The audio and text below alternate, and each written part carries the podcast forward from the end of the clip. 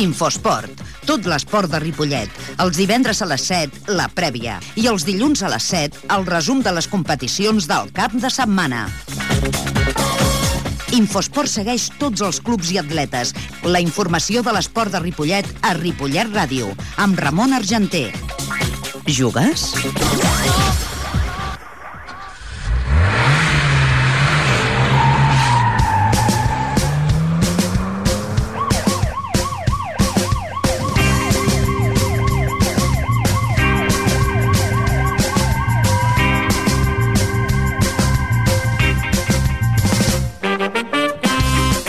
tarda, són negues més les 7 i 5 i començant ja el programa d'Infosport, les vies de so, Fran Lladullo, que us parla Ramon Argenter. I com sempre ho fem, doncs, començant a parlar del món del futbol, la categoria preferent on està el Club de Futbol Ripollet, ens sentirem a les paraules del seu president, Cisco Inglada, que juga en aquest camp, doncs, aquesta setmana al camp del Sant Hilari.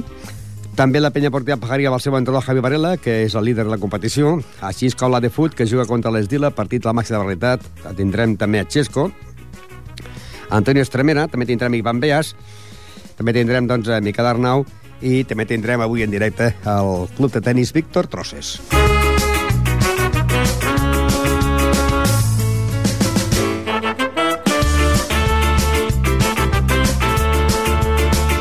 Comencem, com sempre, el futbol categoria preferent. Recordar que la setmana passada, doncs, el Ripollet, que va haver jornada de descans, L'última jornada va ser la de la victòria sobre el Sant Feliu per 4-0.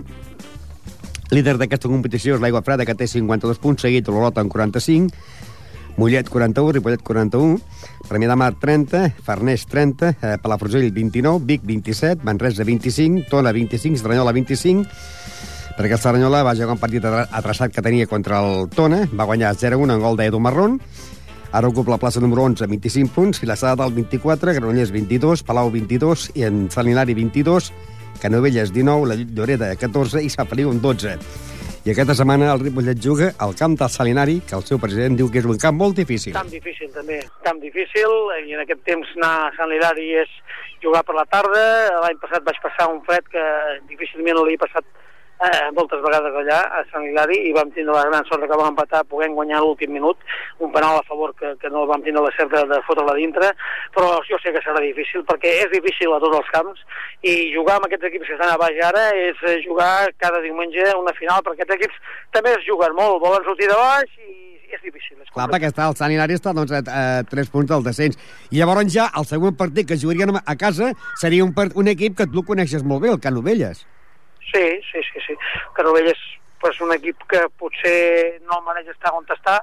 Jo penso que tenen una bona plantilla, van fer un canvi d'entrenador en el seu moment i l'entrenador que tenen ara és un home pues, que coneix la categoria, Mm, penso que és un home que, pues, que realment el Canovelles jo crec que el farà sortir de baix perquè és un tio que, bueno, que coneix perfectament la categoria i està donant bons resultats.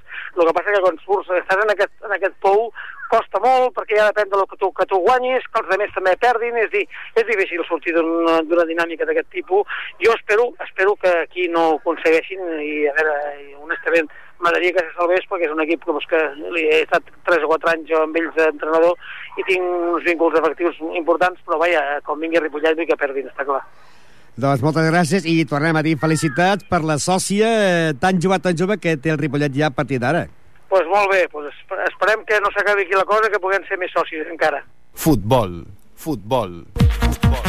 Les paraules de César Inglada, president, de que doncs, eh, va ser avi, va ser avi, i va fer sòcia a la, la, la seva neta abans de que la bategessin, no?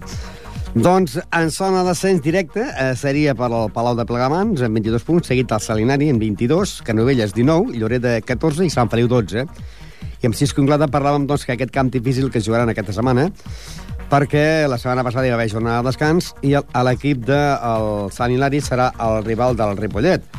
Un Salinari que ocupa la plaça número 15 amb 22 punts, un Sant Hilari que la setmana, bueno, l'última jornada, la de jornada 20, del 7 de febrer, va perdre per 1 a 0 al camp del Mollet. I llavors el següent partit que vendria aquí a casa a jugar seria el Canovelles, un Canovelles que en aquests moments també està en zona de descens directe, està en el lloc número 16 amb 19 punts, però serà el primer rival del Ripollet que vindrà ja la setmana que ve. Aquesta setmana, recordeu, el Salinari s'enfrontarà contra el Ripollet i la següent setmana el Canovelles vindrà aquí a Ripollet. Un Canovelles que el seu eh, president, Xixi Glada, va estar unes temporades d'entrenador. De, ja sabeu que els companys Norma i Miguel venen cada setmana amb dintre l'esport base. Avui tindrem eh, a l'entrenador i eh, sis o set jugadors de l'equip de Víctor Trosses del tennis. I llavors amb ells farem la quiniela. Farem la quiniela de la jornada número 21 de la segona volta amb aquests partits que seran Manresa, Palafrugell, Canovelles, Mollet, Sant Feliu, Palau, Vic, Premià, Farners, Vilassar, Lloret de Tona, a Granollers, Olot, Aigofreda, Serranyola, i el Salinari Ripollet. Això serà, doncs, l'acabar del programa. Ens despedirem amb la, amb la quiniela. Continuem més futbol perquè aquesta setmana, doncs, eh, la penya partida Pajaril juga, a, juga a casa Avui, aquesta setmana, juguen els tres equips a casa, en el mateix camp. Juguen la penya, el Deportiva Pajaril, el de Fut i l'Esdila. I la penya jugarà a casa, perquè estem ja a la segona volta, el número 19, la vella partida Pajaril contra la Farga. A la jornada número 18 d'octubre, que va ser el primer partit, doncs la Farga va guanyar eh, en la penya partida Pajaril per 3 a 1. Era la jornada número 4 i la segona derrota, quasi es podria dir, de la, de la penya que perdia contra la Farga i també perdia contra el Júnior. Eh, comença ja la segona volta, eh, la penya és líder, eh, líder la penya partida Pajaril 40 punts i l'equip de la Farga doncs, que va ser la, una de les primeres derrotes que va sofrir la penya davant de la Farga per 3 a 1 va marcar l'únic gol al jugador Pere Los Santos la Farga ocupa la plaça número 9 amb 25 punts, una Farga que l'última jornada eh, va ser jornada de descans, però l'última que va jugar va guanyar en l'equip del júnior per dos, dos gols a un. Eh, un júnior que anava primer. Anem a recordar, doncs, eh, que l'equip que juguen doncs, dissabte a les 6 de la tarda, sempre, quan juguen dissabte a les 6, tant a casa com a fora, el seu entrenador, Javi Varela, sempre aprofita anar a espiar, no? anar a espiar a algun camp contrari, i li preguntàvem, doncs, a qui aniria a espiar aquesta setmana?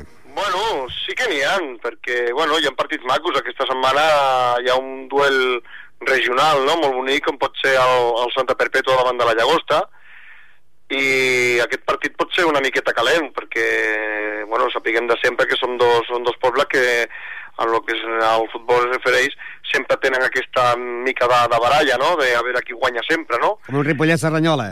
Exactament, exactament. És un Ripollet-Serranyola, doncs una cosa similar, no? Aleshores, bueno, veritablement, tot el que passi sí que nosaltres ens aprofitarem, no?, sempre i quan guanyem el nostre partit. Però nosaltres tampoc no, no, no mirem a veure què fan els demés. Nosaltres tenim que fer és guanyar els nostres partits i els demés que facin el que vulguin. Sempre i quan nosaltres guanyem no ens preocupa el que facin els demés. És cert que sí, és veritat que si, si van perdre punts per, per, per als camps, home, clar que es fan un favor, no? No, no direm que no, que no ens donguin, no? Però bueno, nosaltres hem de fer el nostre, que és, que és el que més ens importa, no? I has decidit quin partit aniràs a veure aquesta setmana? O? Has, o has, I has decidit quin partit aniràs a espiar aquesta setmana? Aquesta setmana aniré a veure el Sant Cugat, el diumenge. Al, al camp del júnior? Sí. Un júnior, júnior. un júnior que, lògicament, eh, seria eh, la quiniela júnior Sant, Sant Cugat, Santa Perpètua la Llagosta, Nou Vallès, Penya Blaugrana, Diagonal la Fundació, Mirasol Robreda, eh, descansaria el Barcino, no puntuaria perquè hauria de jugar contra el Mollet, la de fut, a, a de fut és Dila, partit derbi mm. també eh, del poble, i mm. Penya Partida Pajaril, la Farga, i llavors es dedica a la Farga, doncs, eh, i el júnior, el, el júnior manté la quarta plaça en 30 punts, i la Farga, que sembla ser que va començar molt fort, però ja s'ha desinflat, ocupa la plaça número 9 amb 25 punts. En principi, jo sí, crec eh? que la victòria no se'ls pot escapar, no? Bueno, el que passa és que aquestes coses, saps què passa? Que, que no, mm, no es poden dir, perquè clar, al futbol ja sabem que dos i dos no són quatre mai, no? I clar, veiem la, la taula i diem, hòstia, sí, 25 punts, porten 40 gols a favor, 37 en contra, a fora han guanyat 3 partits només, han perdut 5... Sí, bueno, molt bé, però no hem d'oblidar que és un equip que és el que passa en aquestes categories, que tenen molt bon equip per, per lluitar per, la, per, la, per el campionat, el que passa que quan perden aquestes opcions, ja es desinflen, i potser aquesta setmana hi ha tres que no van, la setmana vinent sí que hi van tots, i aleshores són equips que, que dius, mm, no m'agraden, no m'agraden. Eh, poden, poden venir el que fan, no? com que ja no tenim res a fer, venim els que venim, com a lo millor venen tots i venen dispos, disposats a, a donar la cara totalment com si fos el primer partit de Lliga, que és el, el primer objectiu que tenien, no? I són equips rocosos, equips difícils, veterans, perquè a més la Farga és un equip veterà, i bueno, es pot, es pot complicar una mica la cosa. Esperem i confiem en que nosaltres sàpiguen fer-ho bé i, i ho traiem, no? No hauria de, de tenir un problema en, en excés, no? Però bueno, ja veurem a, a veure què passa amb el camp, és on es parla. I suposo que tindràs la plantilla complet, no?, per rebre la Farga?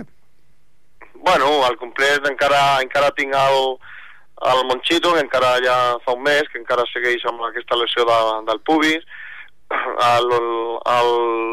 l'Ítalo també té una, pequeña, una petita trencada del, amb el quadríceps, però bueno, en definitiva és el que sempre dic, no? O sigui, mm, si tenim tocats, són 24 a la plantilla, o sigui, tothom pot jugar i tothom ho està fent bé i gairebé no, no, no, no es noten tant no, aquestes faltes d'un jugador o d'un altre. Eh, però bueno, intentarem recuperar-lo més possible perquè, clar, Ivan Monchito també és, és veritat que sí que és una mica important, no hem de dir que no. Futbol, futbol. Doncs la penya, que la setmana passada tenien jornada de descans, i van jugar un partit amistós al camp de l'Atlètic Piferrer, que van guanyar per 0-1.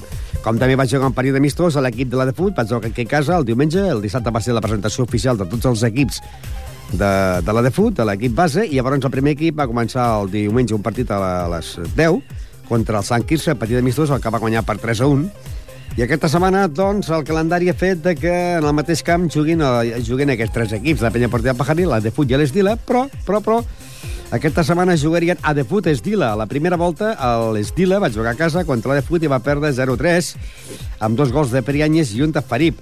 L'Esdila ocupa la plaça número 15 amb 5 punts i la de Fut és 5è amb 29 punts. Anem a recordar les paraules del seu entrenador Chesco que diu que en casa no podemos perder ni un solo partido. No podemos perder si queremos tener alguna opción de seguir luchando por estar con los de arriba. Todos los partidos tenemos que salir a ganarlos. Y luego, claro, es un derbi, ¿no? Pues siempre hay más, un poquito más de rivalidad y más, más tensión. La primera vuelta, que fue el primer partido el 18 de octubre, ganasteis 0-3 con goles de dos de Periáñez y uno de Farib. Eh, y empezasteis ya esta escalada donde estáis muy bien situados. Sí, sí, fue el primer partido que ganemos. La verdad es que sí. El primer partido que ganó la de FU en competición fue contra, contra el Edila. ¿Cómo ves a, al equipo? Bien, bien, bien, bien. Hemos, estamos teniendo un poquito de mala suerte en algunas lesiones. Espero recuperar gente ahora. Tenemos Gordillo también sigue lesionado, ¿no? El portero. Sí, Gordillo sigue lesionado. Eh, a ver, esta semana va, va, a probar ya a hacer portería. No sé si será demasiado pronto para que pueda jugar, pero a ver cómo se encuentra. Y luego Silvio estaba jugando muy bien ahora y este domingo en el partido de, de amistoso tuvo una notó una pequeña molestia en el aductor, a ver cómo evoluciona también. Y bueno, he tenido a Gustavo lo he tenido también lesionado hasta ahora. Esta semana ya ha empezado a entrar otra vez con el grupo, pero lo he tenido lesionado los últimos tres o cuatro partidos. Y bueno, como todos los equipos, vas teniendo bajas durante la temporada. Eh, estábamos hablando antes con Javi que esta semana habrá un derby como Santa Perpetua la Llagosta. A vosotros, eh, ese, ese, para ti, ¿qué, ¿qué, te gustaría que pasara entre la Santa Perpetua y la Llagosta? Hombre, yo preferiría que ganara el Santa Perpetua o como más menor que empataran. Santa Perpetua que se colocaría si ganara con 23 puntos y vosotros con una victoria os pondríais con 32 puntos. Una derrota del Junior eh, contra el Sacugat os pondríais segundos. No, terceros, terceros. Terceros, terceros, sí, terceros. Y luego tenemos una salida después complicada contra el Mirasol, pero bueno, también podríamos, a ver, ya le ganemos en la primera vuelta, puede pasar de todo, sí que puede pasar de todo. Nosotros lo que está claro es que no podemos fallar. No, pero estáis en una zona muy tranquila, ¿no? Porque eh, eso da mucha moral a vuestro equipo, ¿no? A los jugadores. Sí, no, a ver, nosotros estamos contentos porque vemos que estamos haciendo una buena campaña. Sabemos que si tenemos un par de malos resultados, pues igual no descolgaremos por la lucha, pero que por mal que quedemos, yo creo que vamos, el sexto puesto va a estar ahí y va a ser una buena campaña. Yo creo que, más arriba, más bien, arriba. incluso más arriba, yo creo que incluso más arriba. Y bueno, hay que saber que hay gente veterana, pero la mayoría también es un equipo de formación, nos falta experiencia. Y bueno, poco a poco el equipo, somos capaces de lo mejor y de lo peor. Podemos un día tener un mal día y con cualquier equipo de, como el Santa Perpetua o, cualquier, cualquier equipo, ponernos en problemas o ganarnos el partido y le podemos ganar a cualquiera. Yo veo a mi equipo que el día que estamos finos, arriba y un poquito serios atrás, le podemos ganar a cualquiera. Y los contrarios yo creo que también ahora ya lo saben, ¿eh? Porque eh, la primera vuelta nos jugaban de una manera y ahora ya cada vez nos juegan más de otra. Futbol, futbol. Doncs també volíem entrar en directe amb el seu vicepresident de l'equip de l'Esdila, l'equip rival, doncs per motius de feina no ha pogut ser, i han de dir doncs, que aquesta setmana, eh, com sempre, doncs, eh, jugaran aquest partit a les 10 del, dema, del, del diumenge al matí a les 12 a The Foot Esdila i el dissabte a les 6 la Penya Partida Pajaril La Farga. Líder, la Penya Partida Pajaril amb 40 punts, seguit del Mirasol amb 35, la Llagosta i Júnior 30, la de Fut és 5è amb 29, els mateixos que el Diagonal. Barcino amb 28 i amb 28 es quedarà perquè aquesta setmana té jornada de descans. Penya Blaugrana Sant Cugat 27, la Farga 25, Santa Perpètua 20, Roureda 17, la Fundació 16, Sant Cugat 13, Nou Vallès 6 i tanquen el lloc número 15 a l'Esdila. Ha quedat aquest grup ja només amb 15 equips per la retirada de l'equip del Mollet. Per això aquesta setmana, doncs, l'equip del Barcino tindrà jornada de descans. Anem ja al món del futbol sala. Futbol sala, futbol sala, futbol. La setmana passada, doncs, eh, l'altra setmana ja, jo li deia al seu entrenador cuidado, cuidado, cuidado, que aneu a jugar al camp de l'Escola Pia de Sabadell i aquest equip va a dalt, bé i ens guanya, va al mig, bé i ens guanya, va a baix, bé i ens guanya, i a casa seva fa el mateix. Doncs bé, aquest any, que jo crec que és la pitjor temporada que està fent l'equip de l'Escola Pia Sabadell, van guanyar per 6 a 1 en el Ripollet i l'únic gol va fer el jugador Rubén i ara el Ripollet ocupa la plaça número 7 amb 27 punts. Anem a recordar les paraules que mantenien amb el seu entrenador Antonio Extremera, que estava molt desanimat. Sí, además quiero el día de Cordera con la plantilla que nosotros no jugábamos el domingo, mi no acuerdo más fue el día del, de no tengo mañana del Mataró, y del Mataró la primera vuelta, y jugaron muy bien, y estuvieron bien, pero es que eh, no sé qué contra tipo oye, pero juegan súper motivados, que me parece perfecto, me parece perfecto, cuando estuvimos bien. Ah, ah, se ve que hay dos ligas, ¿no? La liga donde está el Corbera, Vilassar, Barcelona, Hospitalet y la Unión, que son... Bueno, la Unión no, porque... No, no. eh, eh, eh, yo creo que Corbera, Vilassar, Barcelona y Hospitalet son los que luchan en una liga y luego está del puesto número quinto la Unión hasta abajo. No, la Unión no, es el Mataró, Bueno, me refiero que sí, sí, pero están empatados. Me refiero de Sí. que eh, tiene 28 puntos, en cambio el Hospitalet tiene 38. No, no, hay cuatro por arriba y Sí. del quinto al decimoquinto puesto, que Poderín ya está retirado, ahí va a estar, ahí va a estar. Ahí está la, la lucha entre 28, 27, 27, 26 por los equipos que descienden, que son Caseras con 18, Esplugas con 18 y el Inca ya retirado. O Sí, sea, la plata está para Cancerra- dos. Sí, pero el- Ibiza Cancerra y el Hospitalet ya han descansado, ¿eh? Sí, ya, ya. Es- Esa jornada con, con nosotros nosotros descansar contra el Inca, los demás suman, son tres puntos menos. Tres puntos más para ellos y tú tres puntos menos sumas, ¿eh? Y, Por lo tanto, y- lo mismo está. Está muy caro la quinta plaza, pero también está muy caro eh, el bajar, ¿eh? Cuidado. Es que está todo muy volado y lo vemos cada semana en los resultados que está viendo. y esta semana, pues eh, recibiríais vosotros la visita del Mataró. Sí, está un punto por encima de nosotros. La primera vuelta le ganamos 1-3. Si le gana, pues ya le ganas el gol a Velaje también. Y bueno, y respiras una semana más. Ganasteis la- 1 a 3 con goles de uno de Quique, uno de Nando y uno de Juanele. Sí. Bueno, y a ver, el sábado el sábado recuperamos a Samu después de los partidos cancelados. Y bueno, seguimos con César que está lesionado, que no jugó. No sabemos final lo que tiene, si tiene que hacer una resonancia. Y bueno, a ver si es muy importante el sábado y importante que la gente venga al sábado porque necesitamos como nunca los tres puntos. Porque, Pero porque- bajos de moral ahora, ¿eh? Y de juego. Hombre, Más de juego que de moral. Sí, sí. Es evidente que no, no entramos en esta dinámica. Y el Mataró es uno de los equipos menos goleados de la categoría. Mm, Un equipo que es el, el único equipo de la categoría, visto por todos los entrenadores, que juega un cuarto de pista encerrado y se pone delante del marcador, juega muy bien su partido. Claro, cada, cada maestro, cada juego- equipo tiene su sistema de juego. Pero lo importante es estar poniendo delante del marcador. Y si te pones delante del marcador y sabes leer el partido, no hay problema. Pero si la dinámica es que ellos marcan y nosotros intentamos, intentamos, ellos siguen marcando, va a ser muy peligroso, ¿eh? También. Yo el domingo estuve hablando con el Presi que estaba desmoralizado, muy, muy desmoralizado. Uf, el precio estaba desmoralizado, yo estaba que me seguía para las paredes. Además, hoy en entrenamiento y ya le dije, bueno, que yo no fuera nunca, que lo iba, iba a ser, eh, durante toda la temporada, cuando los lunes hemos tarde, iba a ser muy duro. Los jugadores saben que se que, que se que jugar ellos. Tú sabes que el entrenador cuando pierde, pierde el entrenador. Pero estaba diciendo, tranquilo, los jugadores sabían que se habían equivocado. Ahí salía al 100% y no se salió. Ya en el calentamiento yo lo vi. Pero por no interrumpir el calentamiento, para no... Creo que va, ya la dinámica ya estaba ahí ¿eh? Y mira que se jugaron 15 minutos de primera parte bueno y 10 de la segunda hasta el 4-0 muy bueno. Pero ya veníamos de remolque, no se puede ir de remolque. ¿sabes? Futbol sala. Futbol sala. Futbol Estàvem dient que està baix de xoc, baix de moral i baix de bateria del mòbil perquè aquesta trucada doncs, se sentia bastant malament. Perdoneu, les són les coses al directe, no? Doncs bé, la classificació, petit, en principi fèiem un petit fallo i és perquè la federació ha donat 3 punts en el Mataró per una, un càstig que ha tingut el Canet de Mar.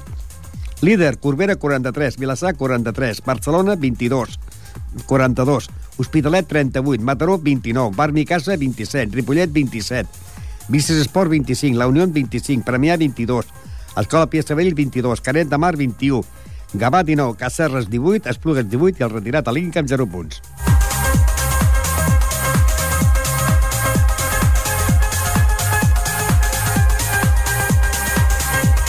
I aquesta setmana s'enfrontarien els equips que seria ja la jornada número 20.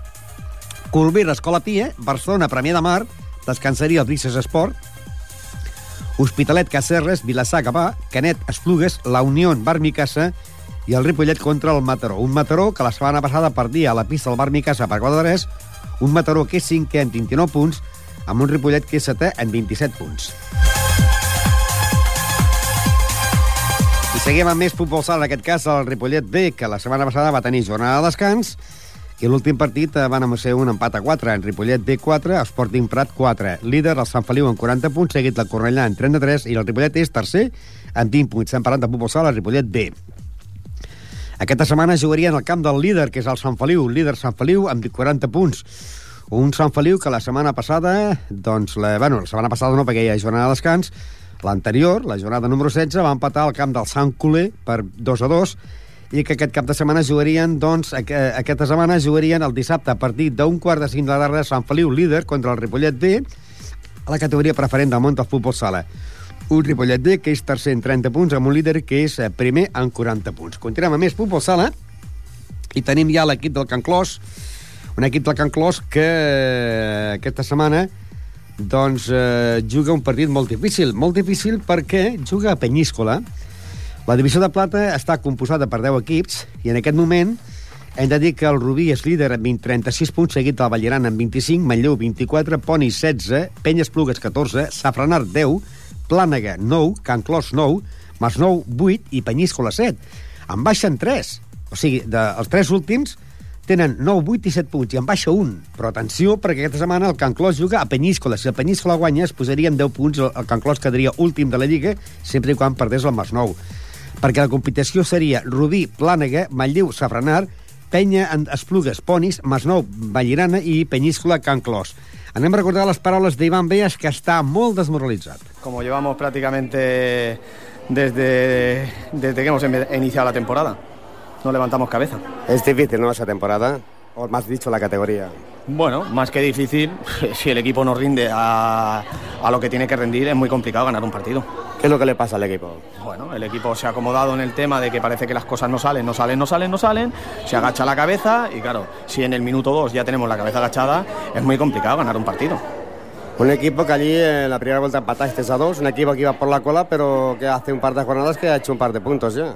Sí, bueno, pero indistintamente, si es que no te tienes que fijar en lo demás, lo que te tienes que fijar es en lo que tú tienes. Y lo que tú tienes, el equipo no, sa- no consigue, consigue sacarle el 100% y ese es el principal problema que hay. No el problema de, no, yo no miro otros equipos, yo lo que miro es mi equipo y mi equipo el problema que no está 100%.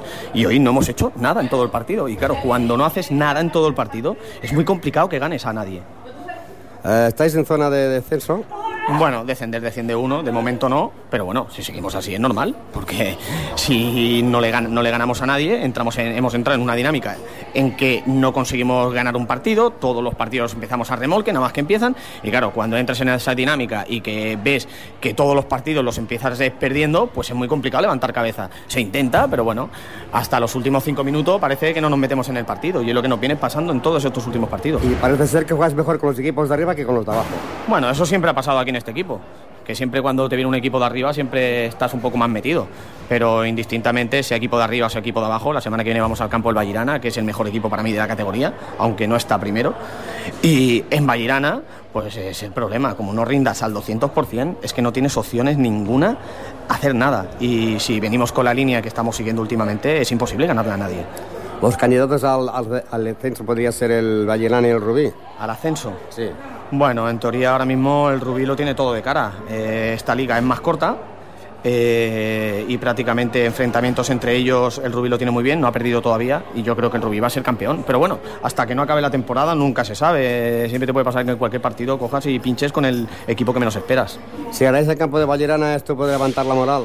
Hombre, ganar en cualquier campo levanta la moral. Y sobre, todo, líder, hermano, y sobre todo es lo que necesitan ellas, porque tampoco creo que estén trabajando mal, sino que el problema es que te entras en la dinámica de no ganarle a nadie y que todos los partidos empiezas por detrás en el marcador y es muy complicado sacar al equipo. Lo estamos intentando, la gente entrena bien, pero cuando llegan los partidos eh, la dinámica está perder, perder, perder y cuando sabes que te metes ahí abajo es muy complicado ganar un partido, parece que todo es adverso. Futbol sala. Futbol sala. Futbol sala. Doncs això corresponia la setmana passada i precisament en el camp del Vallirana van perdre només per dos gols a un amb gol de Carmen. Va ser l'únic gol del Ripollet i en canvi de, doncs, eh, ara eh, aquest equip és el segon de la Lliga que és el Vallirana. I aquesta setmana, com dèiem, jugarà a la pista del Penyíscola. Perquè fa a l'equip del Can Clos B, que milita a la primera divisió, l'últim partit que no es va jugar va ser el dia 7 de febrer, que tenien que jugar a la pista del camp de la Penya Esplugues i es va ajornar, i aquesta setmana jugarien contra el Provençalenc. El Provençalenc és eh, últim de la Lliga, és ocupa la plaça número 14 amb 5 punts, el líder és el Palau, que té 32, i l'equip de Can Clos ocupa la plaça número 10 amb 13 punts. Sant- Un provençalenc que l'últim partit va perdre a casa seva davant del Centella 3 a 5 amb un Can Clos B que va tenir jornada de descans. Doncs aquesta setmana jugarien aquest partit de la categoria Primera Divisió Femenina, jugarien al Can Clos B dissabte a partir de les 4 de tarda, Can Clos B contra el provençalenc. Hockey. Hockey. I la setmana passada també haver jornada de descans per l'equip del Club Hockey Ripollet, per tant manté aquesta plaça número 10 en 14 punts, però els darrere ja l'estan atrapant. Sant Just en té 13. Líder Bartino, 39 punts seguit del Voltregà, 31. Congrés, 30. Folgueroles, 28. Tona, 24. La Garriga i la Salle, 19. Sant Manat, 17. Tarradell, 16. El Ripollet ocupa plaça número 10 amb 14 punts. Sant Just, 13. Cornellà, 10. Mollet, 10. I tanca el Gamma de Navarcles amb 5 punts. I aquesta setmana el Ripollet de hockey jugarà a la pista del Tarradell. A Tarradell, Ripollet, el proper dissabte a partir de les 5 de tarda. Un Tarradell que l'últim partit va guanyar a la pista del Gamma per 9 a 3 mentre que el Ripollet descansava. El Tarradell és novè a la Lliga amb 16 punts i el Ripollet ocupa la plaça número 10 amb 14 punts. Una victòria del Ripollet podria pujar un parell de llocs a la classificació, però una derrota del Ripollet i una victòria del Sant Just, doncs el Ripollet podria ocupar la plaça número 11 de 14 equips. Handbol. Handbol. I anem al món del handball, que també la setmana passada l'equip del Club Handball Ripollet va tenir jornada de descans perquè el grup era impar. Aquesta setmana jugarien el Safa eh, contra el Pau Casals, descansaria el Montcada, la Salle Bonanova jugaria contra el Gavà, el Molins de Rei contra el Rubí, descansaria el Sant Andreu de la Barca i el Ripollet jugaria al camp de l'aula de l'aula Ripollet. A la primera volta, el Ripollet va perdre contra l'aula per 23 a 29.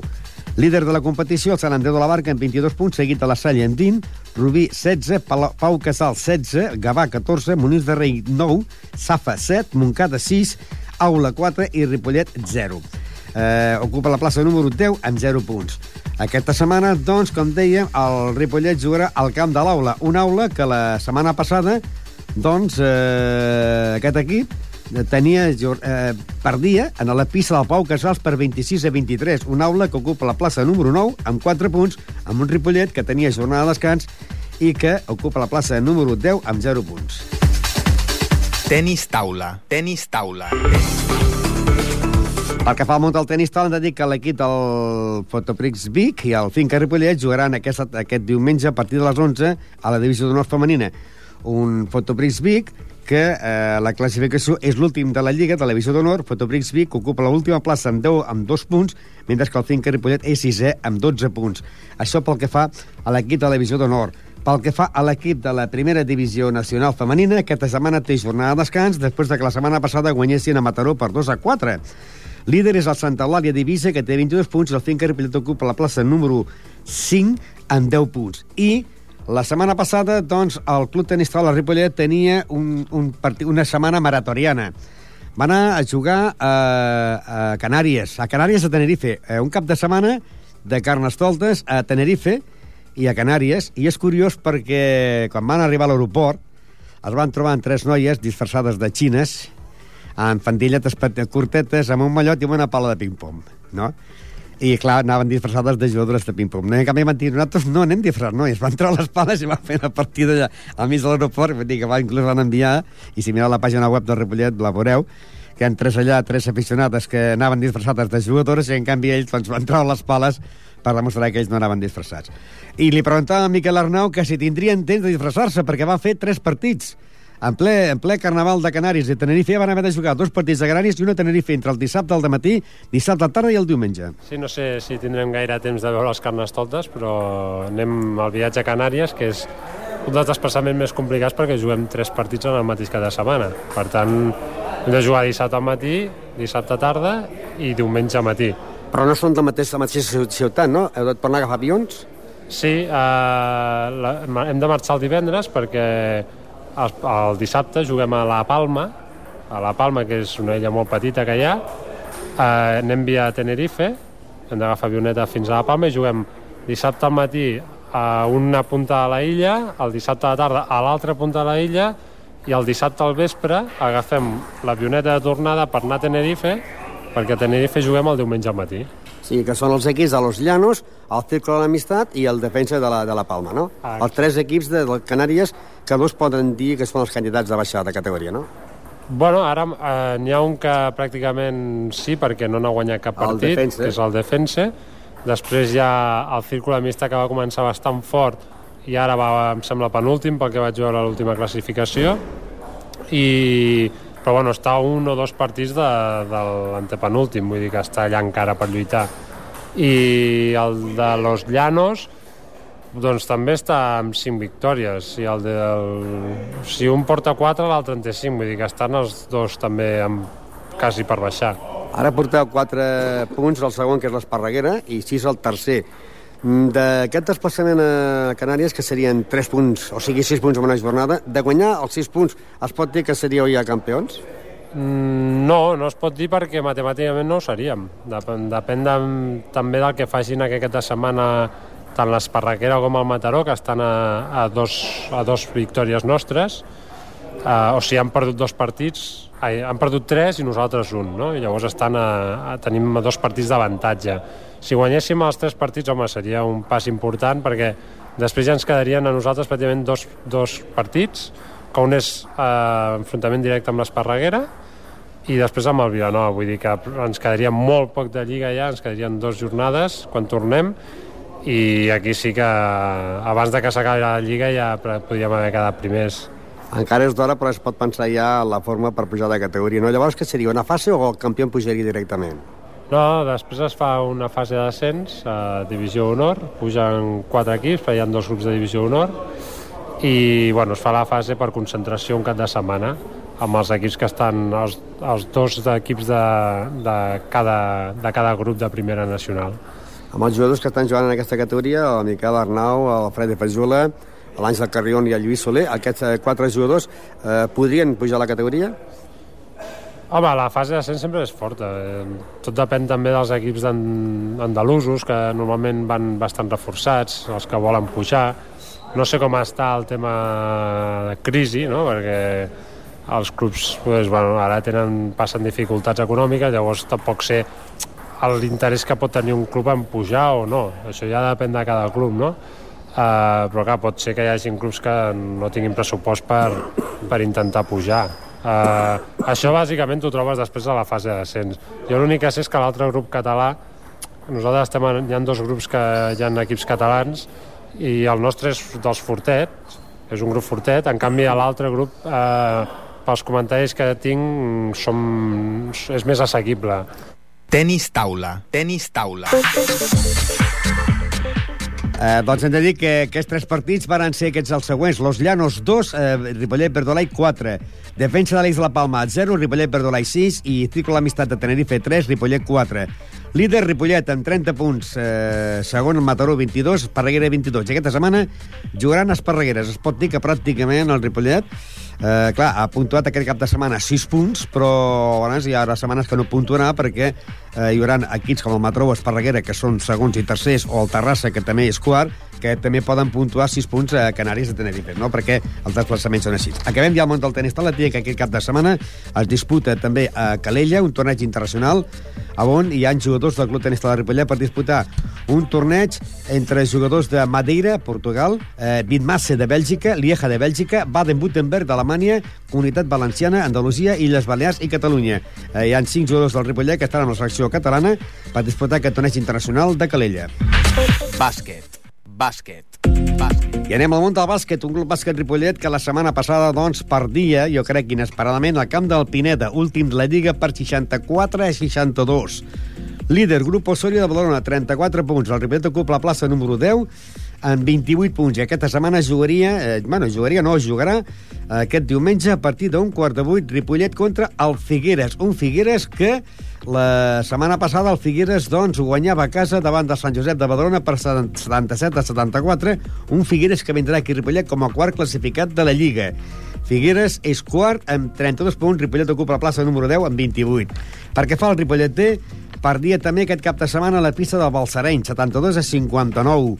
Líder és el Montigalà Badalona, que té 35 punts. El Ripollet ocupa la plaça número 12 amb 25 punts. I aquesta setmana el Ripollet B jugaria contra el Club Bàsquet Artés. L'Artés, que la setmana passada perdia a casa davant del Castellà per 66 a 71. L'Artés és tercer a la Lliga i vindrà aquí a Ripollet com a tercer per intentar doncs, sumar punts i jugar contra el Ripollet, que, que ocupa la plaça número 12 amb 25 punts. Pel que fa al gasó, el bàsquet territorial, la Vell Gasó continua de líder després de que la setmana passada apallissés la Montigalà Badalona per 89 a 44, a 45 punts de diferència. És líder amb 34 punts.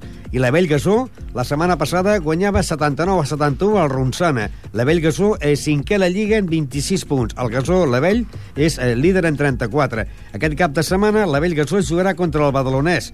Un badalonès que en aquests moments ocupa la plaça número 7 amb 25 punts. Un badalonès que va eh, perdre la pista de la Salle el Vir la Salle de Montcada per 76 a 61, mentre que el Gasó Caixa Girona jugarà la pista del Santa Perpètua, un Santa Perpètua B que la setmana passada va tenir jornada va perdre davant del Santa Perpètua A per 94 a 72 i l'equip del Santa Perpètua ocupa la plaça número eh, 14 amb 20 punts, mentre que l'equip de l'Avell Gasó és líder i el Gasó Casa Girona ocupa la plaça número 5 amb 26 punts. I acabem el món del bàsquet dient que l'equip femení del Ripollet doncs eh, va jugar aquest cap de setmana contra a l'equip del Tiana i va guanyar 37 a 41. En principi, parlàvem amb el seu entrenador que deia que potser aquest partit s'aplaçaria per motiu de soltes. Poder, per ser diumenge a la tarda... Ja haurà passat. Mm, exacte no s'ajornarà. Si fos un diumenge al matí, jo crec que podríem tenir més problemes. Però Perquè seria el diumenge a les 7 de la tarda, Tiana B, bàsquet femení Ripollet, un Tiana B que ara ocupa la plaça número 4 amb 23 punts. Exacte. I suposo que vosaltres marxareu d'aquest forat, no? Perquè la federació encara es té comptabilitzat que sí. us falten tres partits per jugar. Exacte. Bueno, aquesta temporada està sent una miqueta més difícil, Ramon. Justament eh, sempre hi ha queixes, saps? Sigui, en aquest, en aquest món sempre trobes queixes, quan no tens jugadores o quan tens jugadores, no? Eh, és un, un equip d'una banqueta molt ampla, com el meu, són 13 jugadores, és molt complicat fer minuts a totes. I és molt complicat que, aún així, quan si tu tens 15 o 16 minuts a la pista, eh, fer-lo d'una forma eh, regular. O que tinguis un ritme sobretot regular, i això és molt complicat. Eh, hem, hem, no hem jugat el que podíem jugar, evidentment, i, bueno, el que sí que és veritat és que en l'últim mes s'està veient una miqueta més el que estem trobant en els entrenaments, que ja entrenem bé, entrenem amb dues jugadores, eh, es poden fer coses tàctiques per, per partits i això s'està fent bé. Traient el partit de la setmana passada, que va ser un absolut desastre, i jo crec que la, tenen l'espineta aquesta clavada del partit de Tiana la setmana passada, la setmana, aquesta setmana que anem una altra vegada a Tiana, Eh, espero, mira, si juguem com van jugar aquest diumenge, no pel fet de guanyar, ni molt menys, sinó perquè va jugar molt d'ordre. 91.3 Doncs bé, aquesta setmana doncs, l'equip del bàsquet femení Ripollet que ocupa la plaça número 11 i ha deixat de marxar de l'últim lloc. Ara ocupa la plaça número 11 de 12 equips amb 18 punts. Jugarà aquest diumenge a partir de les 11 contra el Llinars. Un Llinars que és novena lliga en 21 punts. Y continuamos més esport, en aquest cas ara tenim els protagonistes. Eh, Miguel y Leonora, buenas tardes. Buenas tardes. Hola, buenas tardes. Y hoy tenemos al club de tenis Víctor Trosas. Sí, tenemos un club bastante joven aquí de tenis de Ripollet, que empezó únicamente para la enseñanza del tenis, pero poco a poco se fue metiendo en competiciones. Empezaremos con Nuria Muñoz y Carla Collado. Vamos a, A ver. los dos años, tres, mm, veía partidos con mi padre y, y después empecé a jugar. Cuando tenía la edad empecé a jugar. ¿Y tú cuándo empezaste? Pues con cinco también. ¿Qué crees que tiene que tener un buen tenista? Pues resistencia tiene que tener. También fuerza tendría que tener porque es... Si no, el otro le podría... Le podría marcar un tanto más fuerte, entonces le ganaría el punto. También... Ya está. Ya habéis empezado este año a competir. Co- Sí. ¿Los partidos vuestros cuánto suelen durar? Una, una hora y media por ahí. Sí, una hora y media. O sea que tenéis que estar muy concentrada, ¿no? Con todo ese rato. Sí. ¿Alguna vez habéis perdido, se os ha ido la cabeza a otro lado y habéis perdido partidos? Sí, muchas veces. ¿Y qué se siente cuando pasa eso? Mm, algunas veces mm, bien porque como empezamos a jugar este año, pues mm, no empezamos empezamos a divertirnos, no a, a competir de verdad, a ganar. ¿Qué jugáis? ¿Para divertiros o para cuando seáis grandes ser tenistas de verdad? Para cuando sea yo para para cuando de pequeña para divertirme y ya cuando empiece ya a tener más años pues ya para ganar y divertirme. Para ganar y pues luego cuando sea grande pues para seguir ganando. ¿Creéis que vais a llegar de grandes a ser profesionales? Yo sí, sí. Tengo que tener confianza en mí. Los que os van a ver a los partidos, ¿qué, qué, opinan de vosotras? Pues qué bien. Mis padres, por supuesto, sí. Está muy contento tu- el entrenador Sí. también. Los míos también, cuando les digo cómo he quedado y se ponen muy contentos. Y me dicen que ya la próxima vez que ya ganaremos. ¿Cuánto tiempo de entrenamiento dedicáis? Yo mm, desde las 5 o las 5 y media hasta las 8. Yo desde las 5 y media hasta las 6 y media, hasta las 7. ¿Por qué está ya más rato que tú?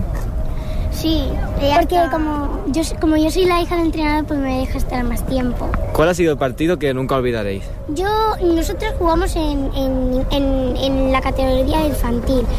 Yo una vez, cuando en un partido lo gané, 6 6-1, 6-2 creo, y me sentí ju- súper bien, me, me lo pasé genial. ¿Cuánto duró este partido? No sé, mm, como los otros, una y media por ahí. Yo el que nunca olvidaré es el que perdí aquí, que el primero, primero perdí 6-0, 6-0 y el, y el segundo 6-2, 6, no, 6-3, 6-2. ¿Habéis ganado algún torneo ya de los que habéis jugado? Yo no.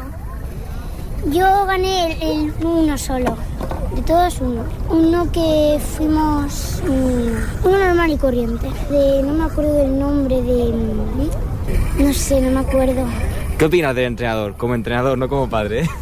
Pues que muy bien, que nos ayuda mucho, nos, nos empeñan, mm, nos ayudan. Nos ayudan mucho y nos, nos hacen sentir que, que lo estamos haciendo bien. No, bueno, nos ayuda a jugar mejor y el torneo y el torneo con esta ocasión al siguiente lo jugamos mejor. ¿Os mete mucha presión? Pues a mí, como es mi padre, pues me tiene que me mete más presión y nos, nos mueve de un lado a otro, más que todos los entrenadores. ¿Y cuando algún partido lo perdéis, os castiga? No, ¿Los no, entrenos? no felicita. Muy bien, ¿no? Felicita de que hemos jugado mejor. O sea, que estáis contentos con él. Sí. Decidle un mensaje para él. Mm, te quiero. Mm, papi, te quiero. Sigue siendo así de, de buen entrenador. Gracias, José, por entrenarnos mejor. Te quiero.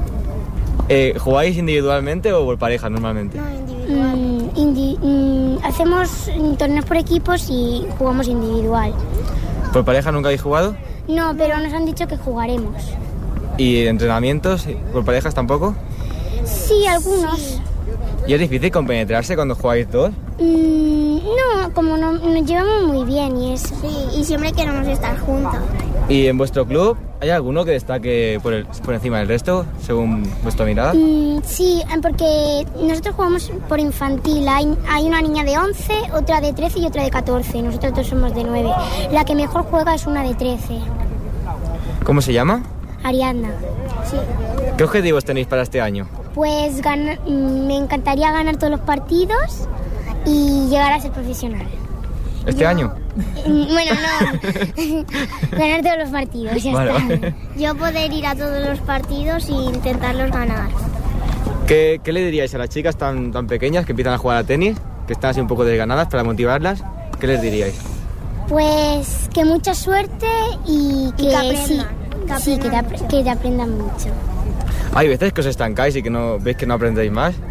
Sí, cuando, a veces cuando hago alguna cosa mal, pues digo, seguro que no voy a llegar a ser profesional y que me estoy parando aquí. ¿El último partido contra quién fue? Yo contra una de Berga, comenzamos peloteando y bueno, vi que, que jugaba bien y, que, y le comencé a dar caña y, el, y cuando fui ganando, ya cuando vio de que, de que le iba dando caña, pues ya me apretó y ahí es cuando ¿Cómo quedasteis? 6-2, 6-3. ¿Y tú? Mi último partido fue, me, me fui a Barcelona a jugar contra una niña. Empezamos, em- me empezó ganando y en el segundo set empezaba ganando yo do- mm, 2-0 y después me, me remontó y acabamos 6-3, 6-2 creo. Para el próximo rival, ¿qué le diríais? Voy a machacar. os, voy a, os vamos a machacar. Pues hemos escuchado a Carla y a Nora.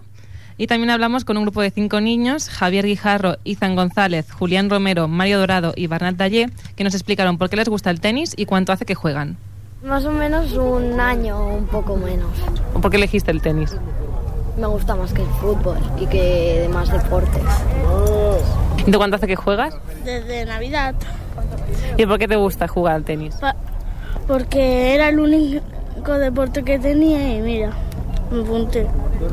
Y ahora me agrada porque tengo un profe- tengo profesor, tengo amics y, y me...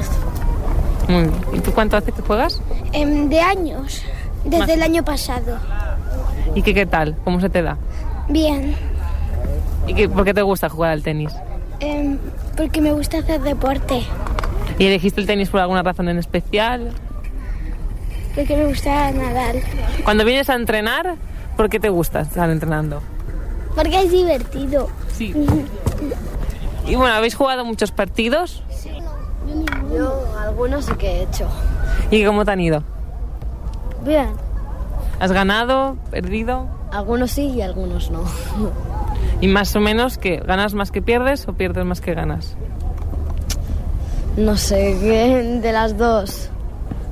¿Qué creéis que es lo que tiene que tener un tenista para ser bueno? Lo bien que hacen, lo bien que le dan a la pelota. Y a mí también me gustaría hacer lo mismo. ¿Y qué creéis que tenéis que hacer para llegar a ser como ellos? Em, hacerle caso, hacerle caso a los profesores.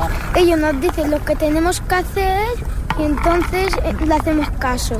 Y así, y así aprendemos. Explicarme un poco cómo va todo cuando llegáis a entrenar. ¿Qué hacéis? Em, por ejemplo, a veces em, damos vueltas por el campo. Y, y después o hacemos saques o... También algunas veces jugamos a, a una cosa que se parece al pilla-pilla. La peste. Eso, la peste. A la peste. Sí, calentamos, damos vueltas y también estiramos. Y ya después pues empezamos haciendo saques o... Cosas así. ¿Qué opináis del entrenador? Bien. Bien. Unanimidad, todos bien. ¿Os gusta mucho? ¿Qué os gusta del entrenador? Es muy bueno. Nos ayuda, eh, nos ayuda y nos enseña cómo hacerlo. Y si no, Nos enseña a hacer cosas. Y a jugar a tenis. ¿Vosotros habéis hecho muchos amigos jugando al tenis? Sí, bastantes. ¿Y cómo os lleváis? Bien. Bien. Cuando jugáis, ¿jugáis solos o en parejas? A veces en parejas, otras veces solos y otras veces en grupo. Pero la mayoría de veces jugamos uno contra uno solos. Nos lanzan las pelotas y les damos. ¿Y qué os gusta más, jugar solos o jugar en pareja? A mí. En pareja. En pareja. En pareja. ¿Por qué? Porque nos ayuda nuestra pareja. A mí me gusta más en pareja porque me, nos ayudan los compañeros y todo. Porque si fallo le da el de atrás. Hombre, eso es normal. El de atrás, pero ¿y si no es el de atrás? Doy yo. I acabem ja també el programa, però acabarem amb protagonistes. Ho direm fins la setmana que ve, però tenemos un protagonista, ¿no? Sí, nos queda José María Muñoz, es el responsable de formación del club Víctor Trosas, que nos va a decir cómo hacen las campañas para captar a los jugadores. Doncs amb ell us deixem. Podríamos fichar a, a jugadores y, y llevarlos para arriba. Lo que pasa que tampoco, ya, ya os digo, la competición es, es muy sacrificada y tampoco no lo tenemos como una cosa, como una premisa. O sea, sí que nos gusta que compitan, pero es, pues por jugar partidos. A ver, sí que queremos ahora, pues si tienen que empiezan a soñar y tienen objetivos, pues oye, pues ayudarles. Y oye, si alguno alto. quiere llegar alto, pues oye, nosotros le vamos a echar una mano en todo lo que podamos, porque, ¿por qué no? ¿Cuántos niños tienen ahora, más o menos? No los hemos contado, pero unos 70 o por ahí. Ah, muchos. Sí, sí, sí, hay bastantes nenes. Sí, sí, Y en cuanto a instalaciones deportivas, eh, ¿pediríais algo más o estáis contentos? Pues a ver, estamos, yo estoy bastante contento. Lo que sí que sabemos que pronto van a cambiar la superficie, entonces creo que nos beneficiaremos también de la de, de Green Set, como bien tienen en la otra escuela.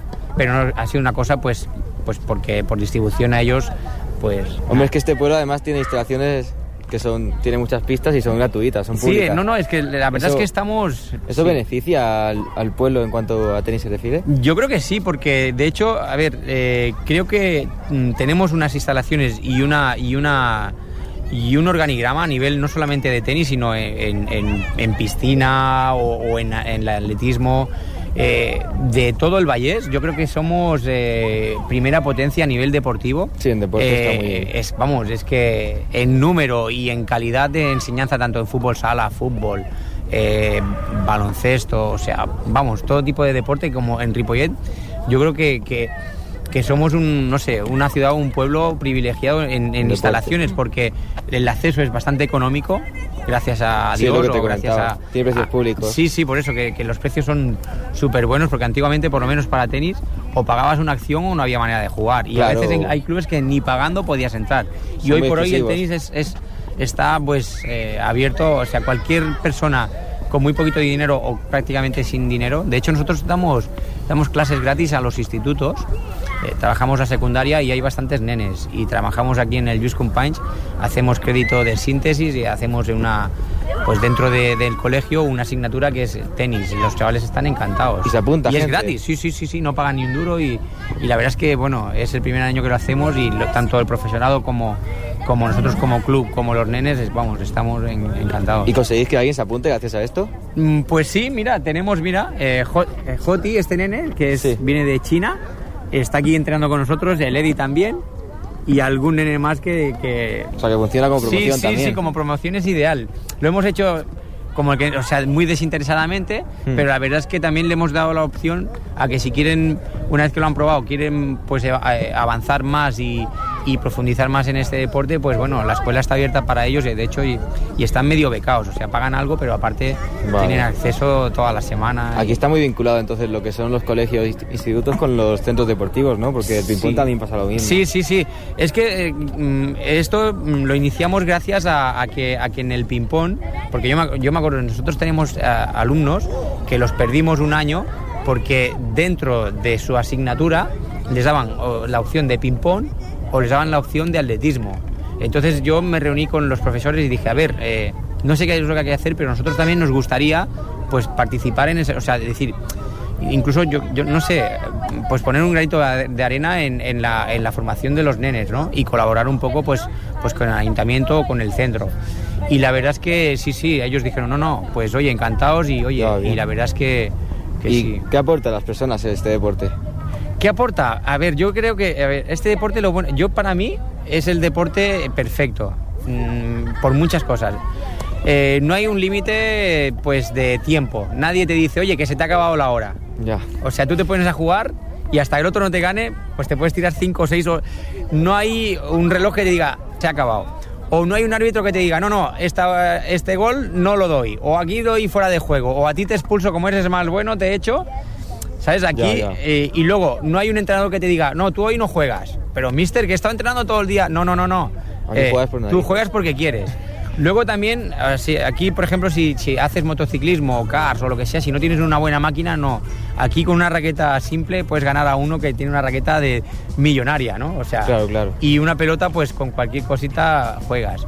Luego también, pues la edad tampoco eh, importa, puedes practicar desde los 2, 3 años hasta los 90 o 100 años. ¿Alguna vez eh, Sí. ha venido alguien con 25 años con mi edad, por ejemplo, Sí. que no sepa nada? Sí, sí, sí, de nada. Y de hecho, a gente que sabía mucho y con la mano derecha y luego han tenido que empezar por lesión por la mano izquierda. O gente que han empezado. Bueno, yo, yo de hecho empecé con 19 años a jugar a tenis.